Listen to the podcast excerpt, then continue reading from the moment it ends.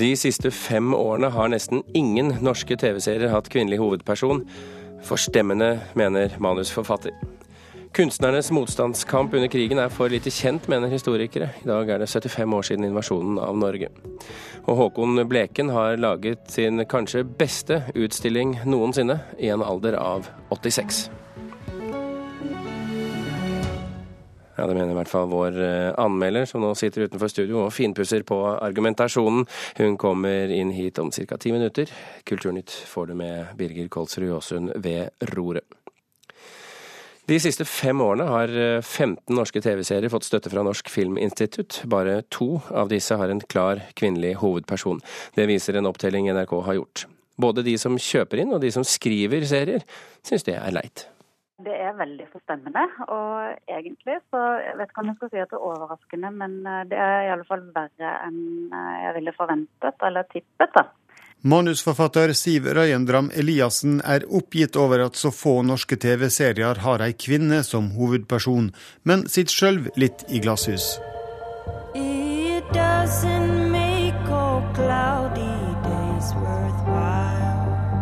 Hun er en av manusforfatterne bak TV-serien Frikjent, som går på TV 2. Hovedpersonen der er en mann som er frikjent for drapet på kjæresten, men som ikke blir trudd i heimbygda. Eliassen er dermed ikke med å pynte på tala, men har meninger om hvorfor kvinner er i mindretall. Jeg tror det har noe med vane å gjøre, jeg tror det har noe med forventninger å gjøre. Jeg tror det har noe med flere hundre års tradisjon på at det er menn som er de handlende og de agerende og de som på en måte driver historien fremover, mens kvinner står i bakgrunnen og, og tar seg av uh, føleriet og følelsene. Og, og Derfor så syns jeg også vi har sett tendenser til i uh, serier om at når du først har en kvinnelig hovedrolle, så gjør man henne liksom litt til en mann. De siste fem åra har 15 TV-serier fått penger fra Norsk Filminstitutt. Bare to av disse har hatt en klar kvinnelig hovedperson. Det viser ei opptelling NRK har gjort. Bare Spesialenheten på TV3 og Kongsvik videregående på TV Norge har hatt ei klar kvinnelig hovedrolle. Hun ligger per i dag på en toer i matte, og jeg tenker hvordan er det mulig? Her er det åpenbart snakk om total systemsvikt, og vet du hva, det kan ikke jeg bare sitte stille og se på. For at en serie skal få penger fra NFI, må først et TV-selskap løyve penger og gi klarsignal for produksjonen. Direktør Sindre Gullvåg i Filminstituttet mener derfor det er lite de kan gjøre. Det er ikke vår oppgave å blande oss for mye inn i innholdet i produksjonen. Fordi det er allerede foretatt en uh, vurdering av innholdet av produsent og en redaksjon i TV-selskapene. Prosjektredaktør Tone Rønning har ansvaret for innkjøpte norske dramaserier i NRK. Hun sier de først og fremst jakter den gode historien. Det burde vært annerledes, men det vi velger jo ikke historier ut fra kun om det er eh, mannlige eller kvinnelige karakterer. Vi velger ut fra om det er en god historie som reflekterer eh, noe som er viktig for publikum, som oppleves som gode historier for publikum. Hun tror det kanskje kan være enklere å skrive historie med mannlig hovedperson. Det er lettere å skrive mannlige karakterer noen ganger. Eh, fordi at de beveger seg mer ut av komfortsonen og inn i risikosonen og setter seg selv i situasjoner de kanskje ikke burde vært i, eller hvor det er eh, rom for godt, uh, godt drama, da. Så Men det kunne jo kvinner gjort også? Det kunne kvinner gjort, og det gjør kvinner i det virkelige liv også. Men kanskje ikke i den grad som menn gjør det. Og det var Katrine Elnan, Tone Staude og Espen Alnes som hadde laget denne reportasjen. Interessen for bøker om andre verdenskrig er fremdeles stor, og dette overrasker bokbransjen, skriver Aftenposten i dag. 26% av de 100 mest solgte bøkene i kategorien samfunn og historie, norsk og oversatt, de siste fem årene handlet om andre verdenskrig. Det viser en oversikt Bokhandlerforeningen har utarbeidet. Emojiene på Apples iPhoner, altså disse smilefjesene og andre symboler, de er blitt mer mangfoldige og fargerike det siste døgnet. Reporter eh, Torkel Thorsvik, eh, hva er det som er nytt med den siste oppdateringen til iPhone som ble tilgjengelig i går kveld?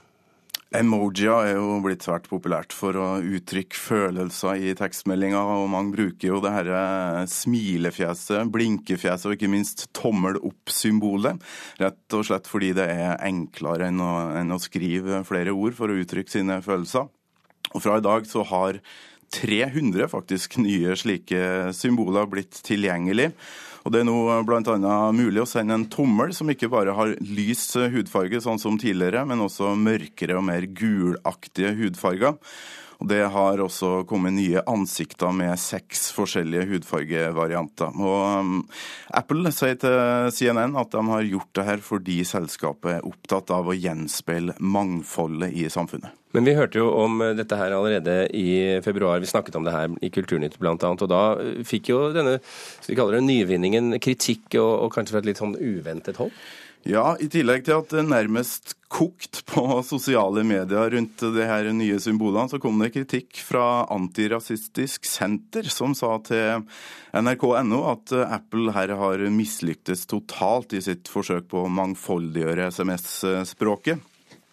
Leder Rune Berglund Steen reagerte på skaleringa i hudfargene og hadde sine tvil om noen i det hele tatt kom til å bruke de her nye symbolene. Han uh, sier at, og nå siterer jeg, det veldig gule ansiktet som mange antar er en asiat, ser ut som det har gulsott. Og det mørkeste ser jo ganske grått ut. Det ser rett og slett kleint ut. Det sa altså Antirasistisk Senter-lederen til nrk.no i februar.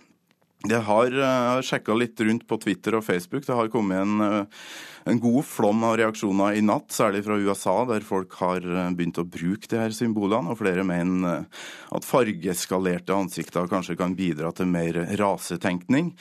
Andre er rett og slett misfornøyd med at det ikke ligger en langfinger i oppdateringa, og savner muligheten til å gi fingeren, altså, i en SMS. Det får utebli inntil videre, i hvert fall. Men uh, hva ellers er nytta blant de 300 symbolene i går? 32 nye flagg er blitt tilgjengelig, og for første gang kan du nå sende det norske flagget i en SMS, hey. hvis du vil det. Det blir populært på 17. mai.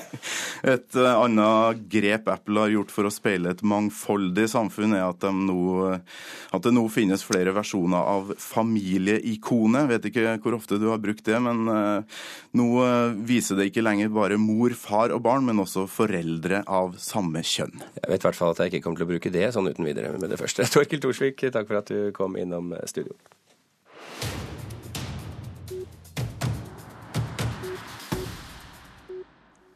Håkon Bleken har rundet 86 år, men er fremdeles en svært produktiv kunstner. Og i dag åpner en utstilling med hans siste verker på Galleri Brandstrup i Oslo. Og det spørsmålet som reiser seg med en mann i den alderen, det er hvorvidt han fremdeles klarer å være interessant, spennende og relevant som kunstner. Mona Palle Bjerke, kunstkritiker her i NRK, la oss komme tilbake til det mot slutten, og heller begynne i den andre enden. Hva er det vi får se i den nye utstillingen? Ja, I denne utstillingen så ser vi en dreining. Fra han, eh, forrige utstilling på Brandstrup så var han jo veldig opptatt av politiske problemstillinger.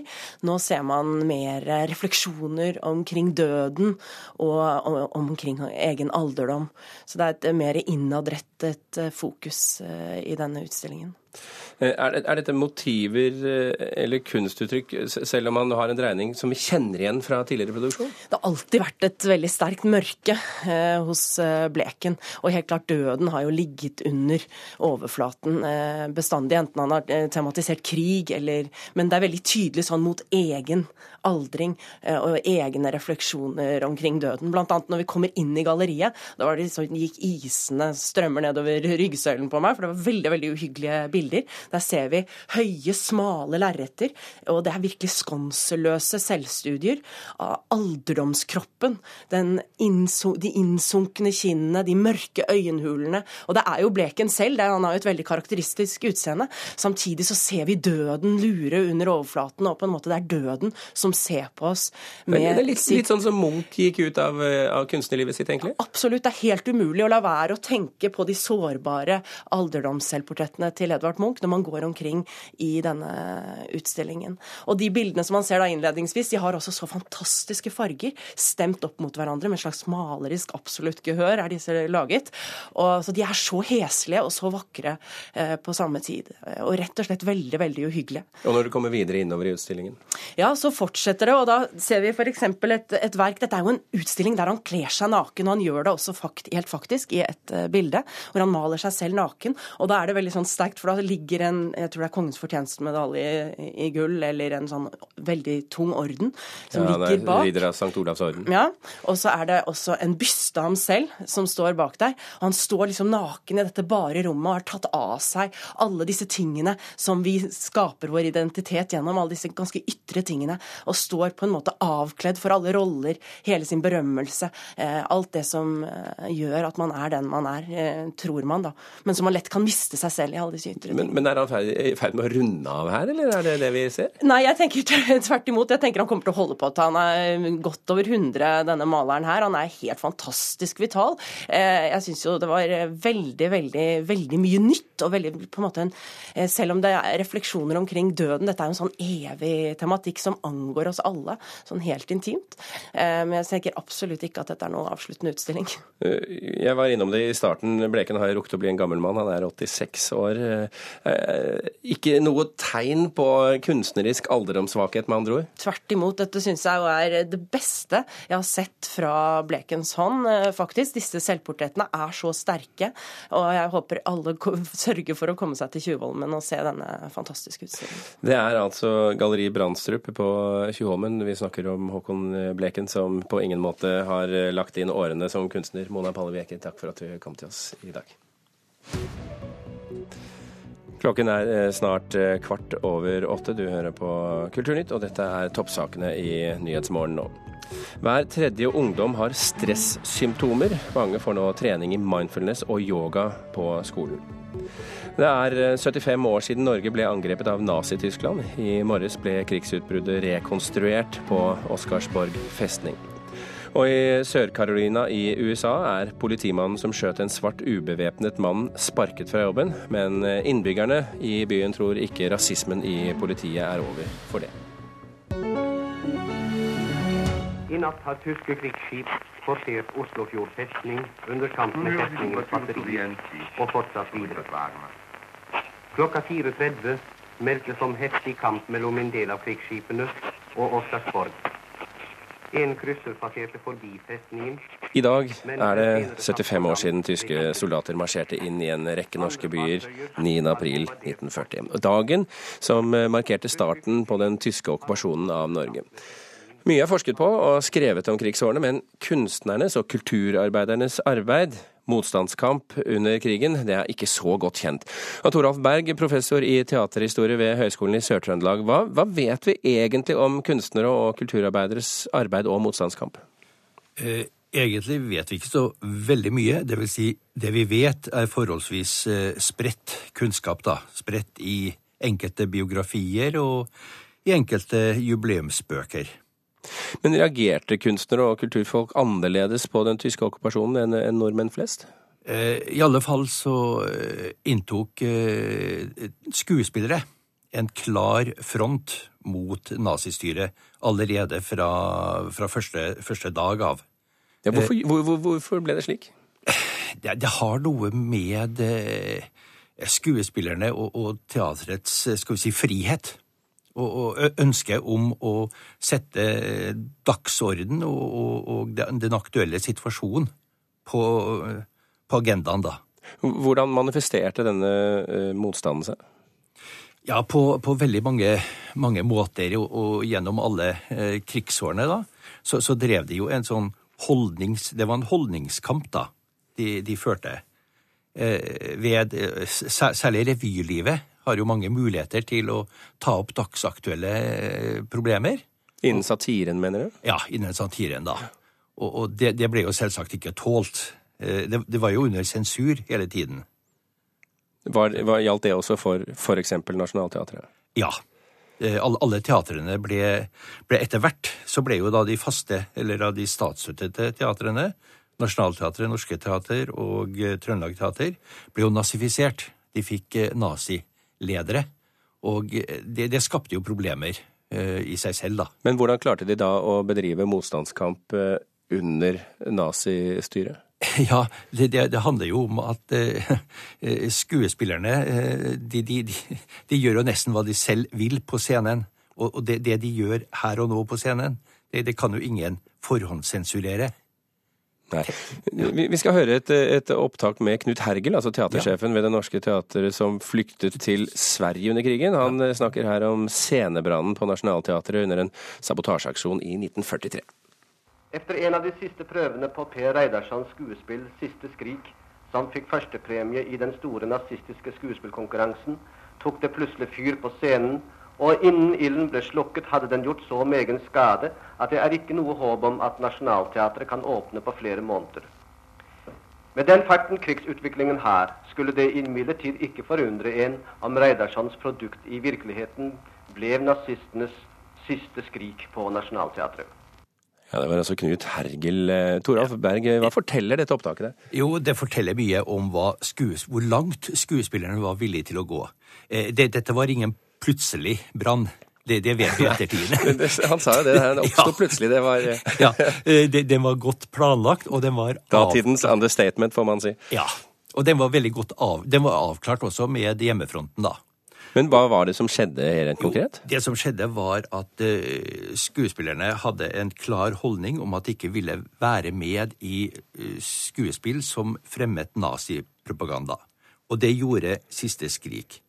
Og da gikk de inn, skuespillerne som ensemble, da, gikk inn i sånn gå sakte-aksjon og legg deg syk-aksjon. Ikke på scenen? Eh, ikke på scenen, men i prøvetiden. Og da forhalte de hele prøvetiden, og de, det var bare utsettelser, utsettelser, utsettelser, og når det nærmet seg premiere, så flyktet hovedrollen til Sverige. Det skjedde en par ganger, og det endte med at eh, det ble satt eh, politivakt på skuespillerne. Men, men gikk ikke altså eh, nazistene da til en eller annen form for eh, straff? Nei, de, de, de, det gjorde de ikke, egentlig, fordi de ønsket jo at teatrene skulle fungere. Fordi fungerende teatre bar bud om en slags normaltilstand i samfunnet. Og det var det de ønsket. Heng, heng, med oss litt til, ja. Eh, Tor Vi skal til kunsthistoriker og kurator Katrine Lund, eh, som altså er kurator ved Bomullsfabrikken i Arendal, som skal ha en utstilling om motstandskunst og nazikunst senere i år. Eh, Lund, hvordan ble kunstnerne inspirert av teatersjefen og skuespillernes motstandskamp? Altså, Billedkunst og teater hører jo nært sammen. og en kunstner som Hanna Ryggen ble jo direkte inspirert f.eks. av uh, det grufulle drapet på teatersjef Henrik Gleditsch ved Trøndelag Teater. Så hun uh, laget et uh, veldig sterkt billedteppe som heter 6.10.1942, um, som antagelig da refererte hans dødsdag. Hvordan ble det Men, mottatt? Det kunne jo ikke vises under krigen. Det ble vel første gang vist i Oslo Kunstforening i fem, nei, 46. Før, jo, først i Trøndelag i 45, så i, i Oslo 46. Nei, det er jo et veldig sterkt uh, billedteppe, hvor hun i flere scener uh, viser fremtredende nazister, viser familien ryggen uh, i en sånn slags drømmetilstand på vei over til England i en båt osv. Og, og selvfølgelig også drapet. Hvilke andre kunstverk kjenner vi fra denne perioden? Veldig mye av eh, billedkunsten som ble skapt under krigen er relativt ukjent for mange. Eh, det henger nok sammen med at eh, formspråket kunstnerne arbeider i i disse årene er figurativt, og at det ble ansett som passé etter krigen. Da ønska man seg noe nytt, og da kom abstraksjonen og det non-figurative. Og så ble liksom den kunsten som ble jobba fram i krigsårene, den ja, ble tilbakelagt og har ikke vært tatt opp igjen. Var det noen som produserte kunst som tyskerne satte pris på? Absolutt. Hvis vi skal holde oss til teatret, så var jo f.eks. den mest innovative og kjente teatermaleren, Alexis Saitov, som var russisk av fødsel, han engasjerte seg jo for NS. Denne kunsten, eh, hvordan står den seg i dag? Mye interessant. Det er figurativt, men det er jo ikke på noen måte passé. Og det er veldig sterke bilder, og det var vel derfor de også valgte dette formspråket. På, på, denne utstillingen du skal kurere eh, senere i år, så er det også utstilt da, det vi kan kalle nazikunst. Men eierne av kunsten, eh, som eier den kunsten, og de vil være anonyme. Hva forteller det deg? Det forteller at det er veldig betent selv i dag, 70 år etter krigens slutt. Ja. Det er veldig mange som ikke vil stå fram og si at de faktisk eier disse verkene. Fordi det er såpass betent. Betyr det også at det er noe i kunsten som fremdeles har litt, uh, har litt uh, påvirkningskraft? Det er klart det har slagkraft, uh, ja. Mm. Det er sterke bilder, tydelige verk. Takk for at du kunne være med oss, Katrine Lund. Toralf Berg, til høsten så kommer du ut med en bok om skuespillernes motstandskamp. Hva er det nytt som kommer frem i den? Eh, det er vel ikke så, kanskje så veldig mye nytt, egentlig, men det som er spesielt, er at det er samlet, og gir en samlet fremstilling av eh, skuespillernes motstandskampen. En veldig ærerik motstandskamp, egentlig. Er det, er det vi, vi, hørte om det betente i kunsten. Er det noe betent i også teaterets historie her? Eh, Eller er det en heltehistorie?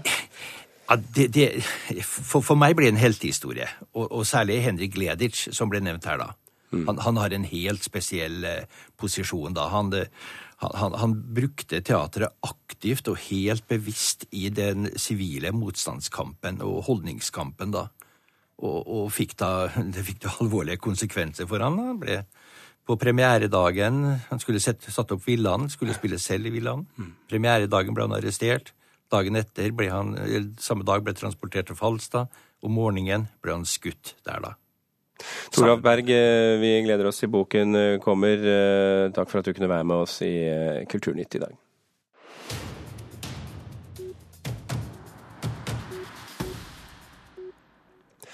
Påtalemyndigheten i Tyrkia vil fengsle to journalister som trykte forsiden av det franske satiremagasinet Charlie Hebdo etter terrorangrepet i Paris 7.1. Journalistene er tiltalt for å ha fornærmet folks religiøse verdier, og risikerer fire års fengsel hver. Magasinets første utgave etter massakren på tolv mennesker i redaksjonen i Paris inneholdt en tegning av den gråtende profeten Mohammed og overskriften 'Alt er tilgitt', slik vi har sett den flere ganger. Franske TV5 Monde er blitt utsatt for et hackerangrep fra personer som hevder å tilhøre terrorgruppen IS. Det opplyser fjernsynskanalen selv. Alle TV-sendingene stanset da dataangrepet startet ved 22-tiden i går kveld. Først etter tre timer var TV5 Monde delvis tilbake på luften. Datasystemene er imidlertid blitt svært ødelagt, og gjerningspersonene overtok også fjernsynskanalens Facebook-side, melder kanalen. Premierefilmen A Most Violent Year handler om en ærlig mann i en skitten bransje i New York anno 1981. Og dette er ifølge NRKs anmelder Birger Vestmo en, eh, et solid og engasjerende drama. Business. Mange oppdaga Oscar Isaac i Cohen-brødrenes Inside Lewin Davies. Han bør få flere tilhengere med A Most Violent Year, der han igjen viser seg som en karakterskuespiller av rang. Han spiller hovedrollen i et tett og intenst drama om en mann som forsøker å holde sin sti ren i en skitten bransje i en farlig by. Regissør JC Shandor, kjent for Margin Call og All Is Lost, har full kontroll på både dramaturgi, skuespill og tidskoloritt, og gjør A Most Violent Year til en solid og engasjerende film. Do you have any idea who's been doing this to us? Or you may be doing something to bring this Abel Morales, spilt av Oscar Isaac, er oljeforhandler i New York. Han etterforskes for skatteunndragelse og annet snusk av den ambisiøse statsadvokaten Lawrence, spilt av David Oyelowo, samtidig som noen til stadighet kaprer tankbilene hans og tømmer dem for den verdifulle lasten. Sammen med kona og regnskapsføreren Anna, spilt av Jessica Chastain, og advokaten Walsh, spilt av Albert Brooks, må Abel stå imot presset fra etterforskerne og finne ut hvem som egentlig egentlig står bak ransbølgen.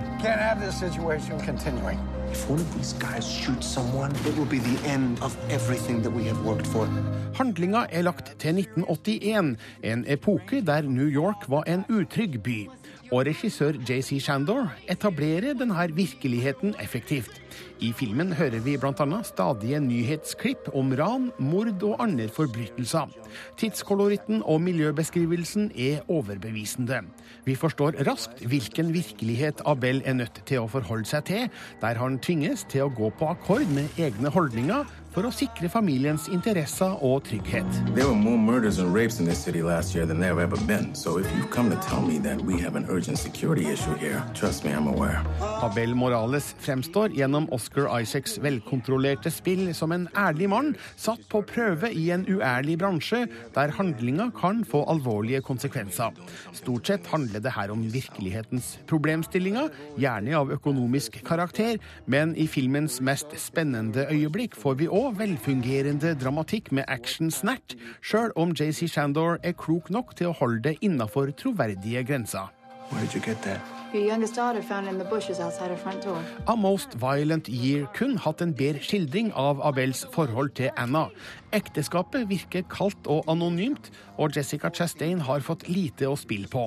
Men filmen har gjennomført god tidskoloritt, der 1981 kanaliseres effektivt gjennom biler, mote, TV-klipp og tidløst bymiljø. Historien filmes ofte i nærfokus, slik at eventuelle moderne tilsnitt i bakgrunnen viskes ut. Kombinert med noen gode skuespillerprestasjoner og en interessant historie om etikk og moral som enhver kan forstå, uansett bakgrunn, er A Most Violent Year et tilfredsstillende drama. Birger Vestmo anmeldte i dag. Kulturnytt er slutt. I dag har vi fortalt at de siste fem årene nesten ikke har vært noen kvinnelige hovedpersoner i norske TV-serier. Hørte at historikere mener kunstnernes motstandskamp under krigen er for lite kjent, og ikke minst at Håkon Bleken har laget beste, sin beste utstilling noensinne i en alder av 86. Frode Thorshaug, Vidar Skjem, Birger Kåsrud Aasund takker for følget.